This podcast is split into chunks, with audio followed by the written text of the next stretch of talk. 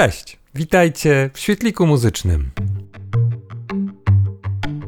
Właśnie mija kolejna 36. rocznica koncertów Live Aid, swego czasu największa impreza muzyczna świata. Organizatorzy uknuli hasło, że był to dzień, w którym muzyka zmieniła świat. Oczywiście najbardziej pamiętamy chwalony koncert zespołu Queen. No byli świetni i być może rzeczywiście jest to jeden z najlepszych koncertów wszechczasów, ale e, nie jedyny wtedy na Live Aid. No i trochę to jednak inaczej wyglądało niż zostało to przedstawione w filmie Bohemian Rhapsody, ale o tym już opowiadałem e, w innym e, odcinku o przeinaczeniach w filmach o zespole Queen. Dzisiaj kilka innych opowieści o Live Aid, ale nie wszystkie, bo naprawdę jest z czego wybierać. Zaczęło się to wszystko w 1984 roku, kiedy Bob Geldof zobaczył pewien program w telewizji. Bob Geldof to wokalista zespołu Boomtown Rats, a także aktor znany najbardziej z filmu The Wall, w którym zagrał główną rolę, a tam oczywiście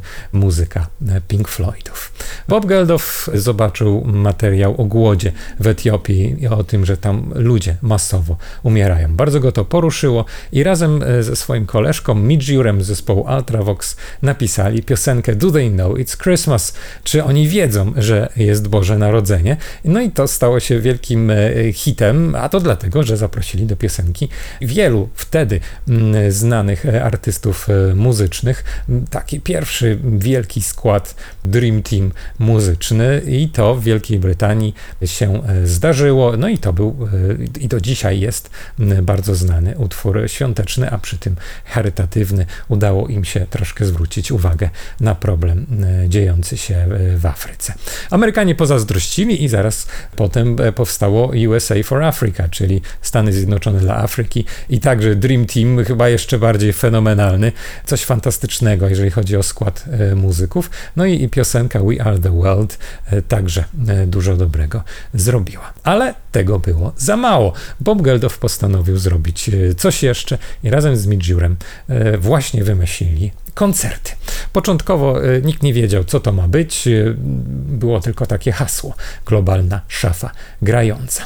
Dopiero później powstała nazwa Live Aid, no ale już krążyło to między muzykami i na przykład e, gdzieś, no to chyba był już maj 85 roku, bo Phil Collins opowiada, że właśnie wtedy rozpoczynał, miał rozpocząć amerykańską trasę koncertową, a to właśnie wtedy w maju i siedział sobie razem ze swoim przyjacielem Robertem Plantem w Dallas w Stanach Zjednoczonych. I tam też sobie rozmawiali. No i y, Robert Plant zapytał, czy ty coś wiesz y, o tych koncertach i czy weźmiesz y, w tym udział. No Phil Collins odpowiedział, że no oczywiście weźmie, chętnie bierze udział we wszystkim, od, we wszelkich akcjach, które mu proponuje Bob Geldof. Na co Robert Plant mówi, a wkręcisz mnie? Phil Collins zdziwiony. Jak to? Ja mam cię wkręcać? Przecież ty jesteś Robert Plant, wystarczy, że zadzwonisz i już, zadzwoń do Billa Grahama, który w Stanach Zjednoczonych organizuje właśnie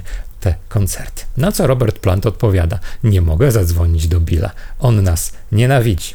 No i tutaj e, Phil Collins e, przypomniał sobie, że tak naprawdę Robert ma za sobą e, trochę ciemnej przeszłości i jest zupełnie, był kiedyś, albo zdarzało mu się być zupełnie innym człowiekiem, którego on zna, ponieważ Phil Collins poznał człowieka, Roberta Planta, w 1982 roku i to był taki pogodny człowiek z dużym poczuciem humoru, świetnie się dogadywali, a ta historia sprzed lat to w 1977 roku bijatyka w kulisach koncertu Led Zeppelin. Ekipa Led Zeppelin pobiła właśnie członka ekipy organizującej koncert i właśnie z ekipy Billa Grahama. Panowie się dogadali, Phil Collins i Robert Plant, że wystąpią e, razem. Robert Plant po prostu poprosił Phila, żeby e, grał u niego na perkusji i to nie było nic dziwnego, ponieważ właśnie mieli za sobą już taką niezbyt odległą przeszłość. Phil Collins wystąpił na dwóch pierwszych solowych płytach Roberta e, Planta. Robert właśnie zadzwonił do niego, mimo że się nie znali i zaprosił go do tego, a Phil Collins tak bardzo się z tego cieszył, że może z wielkim Robertem Plantem występować, że także ruszył z nim na trasę koncertową. I to było naprawdę coś fenomenalnego, ponieważ Phil Collins już w tym czasie był wokalistą solowym, odnoszącym duże sukcesy, e, a także cały czas wokalistą i perkusistą zespołu Genesis, także odnoszącego sukcesy. I, i tu nagrywał płyty swoje i, i Genesis i ruszali na trasy te i tamte, a tu jeszcze sobie znalazł czas nagranie właśnie z Robertem Plantem. I to nie tylko to, on, e, było go wszędzie pełno w latach 80. Phila Collinsa, także nie było to dla niego nic e, dziwnego. Także dogadali się i właśnie mieli ze sobą zagrać jeszcze raz. Chwilkę potem, kiedy Phil Collins rozpoczął już e, swoją trasę koncertową po Ameryce, dzwoni do niego Sting i także zaprasza do wspólnego występu na Live 8. Phil Collins chętnie się na to zgadza. Panowie poznali się e, właśnie przy okazji nagrywania Do They Know It's Christmas e, i polubili. Także Sting może chciał troszkę podpatrywać Phila, któremu udała się ta sztuka, że po byciu członkiem wielkiego zespołu rozpoczął udaną karierę solową, a Sting właśnie wtedy żegnał się z The Police i rozpoczynał swoją karierę jako Sting po prostu. Lubili się, więc właśnie e, dogadali. Mieli też już za sobą to, że Phil Collins zaprosił Stinga na swoją płytę.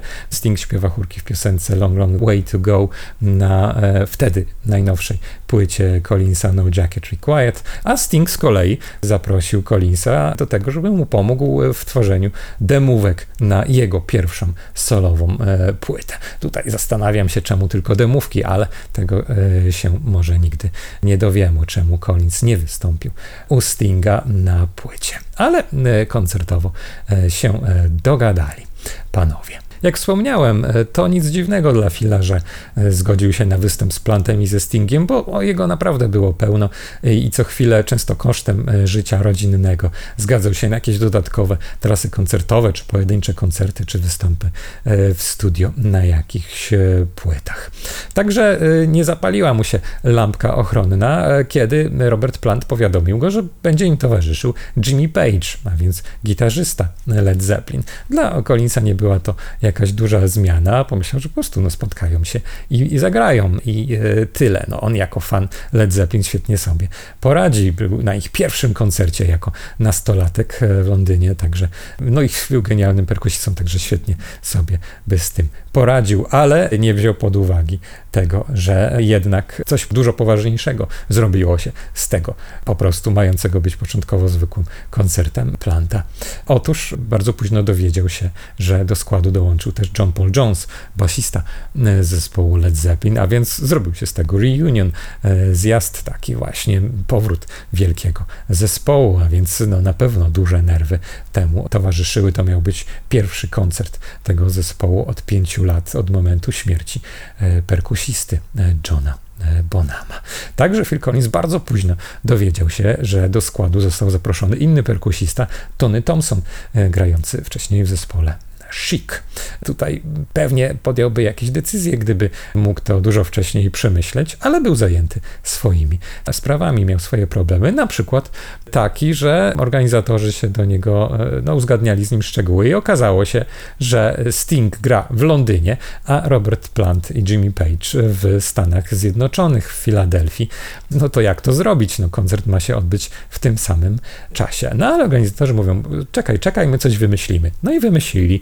Wymyślili, że Phil Collins ma wsiąść w samolot Concorda, bardzo szybki, latający wtedy e, samolot, wystąpić w Londynie i przelecieć tym samolotem i jeszcze zdąży wystąpić w Stanach Zjednoczonych.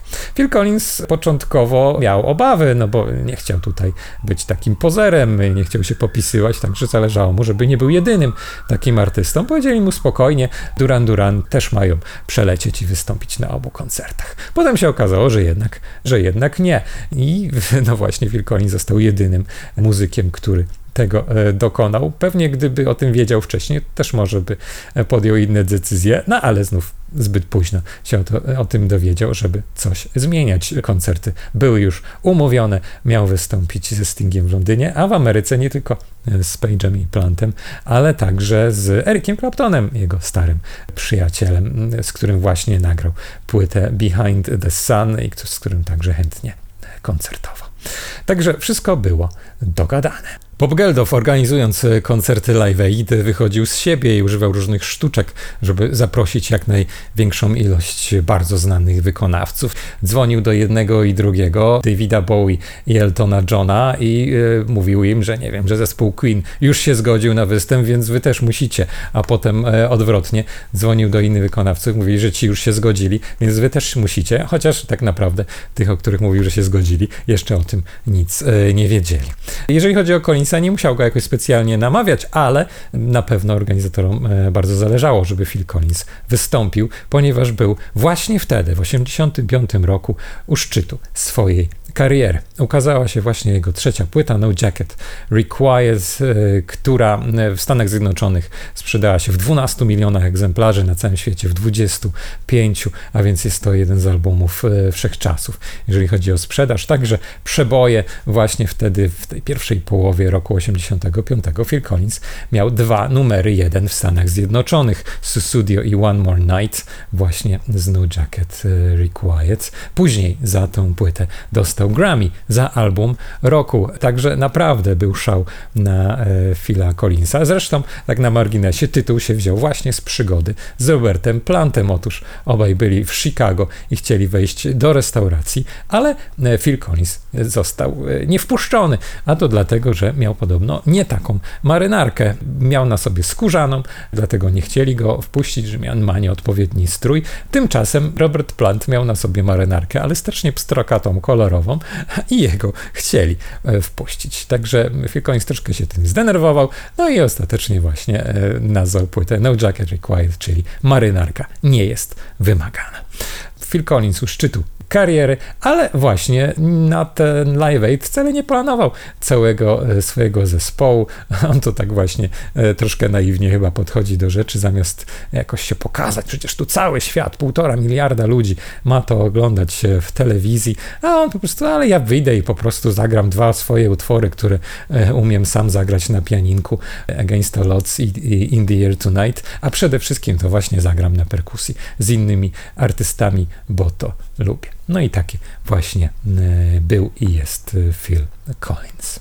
2 lipca 1985 roku Phil Collins daje ostatni koncert na swojej amerykańskiej trasie koncertowej i wraca do domu, do Wielkiej Brytanii, aby spędzić e, czas ze swoją rodziną. I nagle się okazuje, że członkowie Led Zeppelin jednak chcą zrobić próbę. No ale oni są w Ameryce e, i Phil mówi, no właśnie wróciłem z Ameryki, no nie mogę tam lecieć tylko na próbę, ja wreszcie muszę trochę czasu spędzić z rodziną. I chociaż bardzo rzadko to robi, to jednak tym razem odmawia, ponieważ jest pewien, że sobie poradzi, że zagra te utwory i kompletnie nie przychodzi mu do głowy, jaką wielką katastrofą może się okazać i w końcu okaże ten koncert bo dla niego to nadal jest po prostu mały występ z kolegą Robertem i jego jakimiś kolegami. Próba ze Stingiem jednak jest jak najbardziej możliwa i panowie się omawiają i to spotykają się e, w domu Phila Collinsa.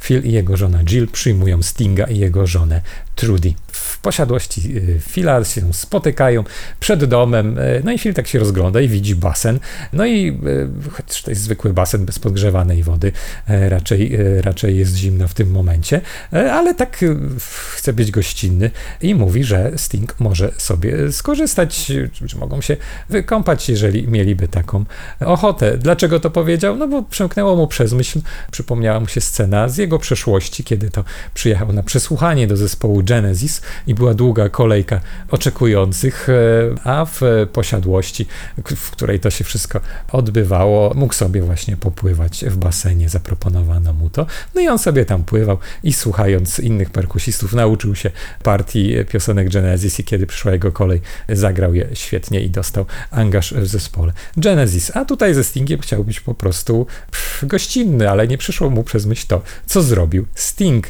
Otóż ten natychmiast, nic nie mówiąc, rozebrał się do samych gatek i e, wsunął się do e, basenu, nawet nie rozklapując za bardzo wody, przepłynął się kilka razy e, w jedną i w drugą stronę i bez żadnej zadyszki wyszedł z basenu. Oczywiście Phil Collins robił wielkie gały na to, co widział. Mówi, że jego żona Jill też, chociaż starała się nie patrzeć, to wgapiała się też w atrakcyjnego Stinga w samych e, gadkach. No i Phil troszkę mu się to nie spodobało. E, uznał Stinga za pozera po prostu. Mówi, no kto tak robi? No, nawet nie zapytał, czy masz kąpielówki, czy, czy albo poczekał chwilę, zanim e, najpierw coś innego porobił, tylko po prostu by słowa się rozebrał i wskoczył do basenu. Taki jest Sting. Phila Collinsa troszkę to zabolało, że jest takim sobie zwyczajnym filem i nawet przez chwilę rozważał to, czy nie zacząć praktykować jogi, ale jak to Phil uznał, że nie. No i może trochę szkoda. Były to lata 80. i inne czasy, no i niestety Phil zapłacił za to, że nie dbał o swoje zdrowie i teraz jest niestety strasznej kondycji zdrowotnej, a Sting świetnej. No ale to też były takie, takie czasy. Mimo tego niefortunnego zdarzenia z basenem, Phil Collins e, odbywa próbę ze Stingiem, e, wybierają piosenki, zaśpiewają Long Long Way to Go, w której to Sting śpiewał na płycie Collinsa e, oraz duży przebój Stinga Every Breath You Take, w zasadzie The Police, ale to kompozycja Stinga. Phil nie pamięta dokładnie słów, więc Sting mu je dyktuje, a Phil jak to muzyczny pedant dokładnie się ich uczy, jak zawsze dokładnie się przygotowuje do koncertu. Potem jednak na tym koncercie e, okazuje się, tuż przed w zasadzie, kiedy mają wyjść na scenę, e, Sting mówi Collinsowi, wiesz, e, tam pod koniec to ja jednak lubię improwizować. No i Phil jest przerażony, no bo jak to, mają śpiewać jednocześnie, a Sting mówi, że będzie sobie e, improwizował. E, no i Phil Collins niestety był niezadowolony z tego występu, mówił, że wyszedł na amatora, ponieważ Sting śpiewał jedno, on drugie. Co prawda to tylko przez, e, przez chwileczkę pod koniec utworu, ale jednak dla Phila, e, który lubił jednak wszystko robić na 100%, e, no nie był z tego zadowolony, no bo nikt nie pomyślał, że to wina Stinga, że to jego utwór, to najwidoczniej Phil Collins nie nauczył się E, słów. Także no niestety Phil troszkę jednak miał takich zarzutów do Stinga i chyba ta ich e, początkowa przyjaźń e, dosyć szybko się rozmyła. No później spotykali się na między innymi na najwspanialszym koncercie świata. Tak, bo ja nie uznaję za taki Live Aid, uważam, że jeszcze wspanialszy był koncert Music for Montserrat w 1997 roku. Fantastyczny skład w Royal Albert Hall w Londynie spotkali się mm, na scenie Eric Clapton, Phil Collins, Elton John, Sting, Mark Knopfler i jeszcze kilku innych muzyków i zagrali razem i to było naprawdę coś fantastycznego i tam wszystko się świetnie zgrało, wygląda to rewelacyjnie, no i technicznie jest dużo lepsze także niż Live Aid. Tak na marginesie jeszcze wspomnę o pewnej supergrupie. To wszystko się zadziało przed tą nieszczęsną próbą e, ze Stingiem i występem na Live Aid. Otóż e, właśnie kiedy Phil Collins produkował płytę Erika e, Claptona na Montserrat, to tam gościem był Sting, który odwiedził ich w studiu, a kiedy dowiedział się, że ich tam trzech jest razem Steven Bishop, wokalista amerykański, kompozytor, to on także do nich dołączył i wykorzystał to, żeby nagrali jego utwór Whole Light. I w ten oto sposób piosenka, która znalazła się na płycie Stevena Bishopa Bowling in Paris, jest wykonana przez supergrupę e, Eric Clapton, Sting, Phil Collins i Steven Bishop. Naprawdę świetna robota, świetna muzyka z lat 80. Tymczasem nadchodzi wreszcie ten dzień, 13 lipca 1985 roku, o 12 w południe rozpoczyna się w Londynie. O 15.18 następuje pół godzinki dla Stinga i Collinsa, tuż po koncercie Shade. Najpierw Sting, e, potem e, Collins gra swoje utwory. Przy Against All Odds niestety spocony palec obsuwa mu się z jednego klawisza na fortepianie i stąd pewien taki fałsz się wkrada, no ale to zostało. Phil Collins y, niezadowolony troszkę, no ale takie jest życie i takie rzeczy zdarzają się e, muzykom. No i ta wpadka z Stingiem w Every Breath You Take też nie był z tego zbyt zadowolony, no ale ma to już za sobą, e, no i czas e, teraz na wielką akcję, czyli szybki przerzut do Stanów Zjednoczonych. Około godziny trwa, żeby, żeby wsiadł do samolotu, do Concorda, a jest to normalny przelot rejsowy, a nie specjalny dla Fila to innych pasażerów dosiada się razem ze swoją żoną, e, no ale towarzyszy im chmara dziennikarzy, e, kiedy wchodzą e, do samolotu. Wielkie zamieszanie, no i pasażerowie się gapią, co tu się dzieje. I okazuje się, że wśród pasażerów jest Cher, znana amerykańska wokalistka i aktorka. Kiedy samolot jest w powietrzu, Cher, która była po cywilnemu, bez makijażu, najpierw idzie do toalety, gdzie w krótkim czasie przeobraża się w tą Cher ze sceny, po czym wychodzi z toalety, no i podchodzi do Phila i mówi cześć, co tu się dzieje? No i mówi, no nie słyszałaś o tych dużych koncertach Live Aid? No właśnie lecę z jednego na drugi. I ona nie wiedziała. E, no i pyta Phila, a może mnie wkręcisz? A, Phil Collins na to sobie myśli, co ja jestem, agentem gwiazd? Najpierw Robert Plant, a teraz Cher chce, żebym ich wkręcał, wkręcał w koncert. Przecież wystarczy, że zadzwoni. To jest Cher. Ona wystarczy, że powie, że chce wystąpić i wystąpi. Kiedy Phil Collins jest w samolocie, w tym czasie w Londynie występują m.in. U2, Dire Straits, Queen, e, The Who, Elton John, David Bowie. Także dużo, dużo się dzieje, ale to wszystko przegapił e, Phil, który jest w podróży, no ale tam też jest ciśnienie medialne na niego i załatwiają mu i proszą, żeby podszedł do kabiny pilota i nadawał stamtąd do studia telewizyjnego. Oczywiście to rok 85, połączenie technicznie jest okropne i znajdujący się w studiu aktor Billy Connolly mówi, no ale to mógł być każdy i znajdować się gdziekolwiek. Tak źle było słychać. No ale zamieszanie medialne jest. Phil Collins ląduje w Nowym Jorku na, e, na lotnisku JFK, ale musi się dostać do Filadelfii. I to też zajmuje w sumie mniej więcej tyle samo czasu, co przelot e, nad Atlantykiem. W końcu jednak z Phil Collins e, znajduje się na, na miejscu. Co wydarzyło się w Filadelfii na Live Aid? Na dalszy ciąg opowieści zapraszam do kolejnego odcinka. Tyle w tym podcaście. Zapraszam na kolejne. Zapraszam do świetlika muzycznego, przez który wpadają do Was wiadomości muzyczne, ciekawostki i anegdoty z historii muzyki. Marcin Świetlik-Olechnowski.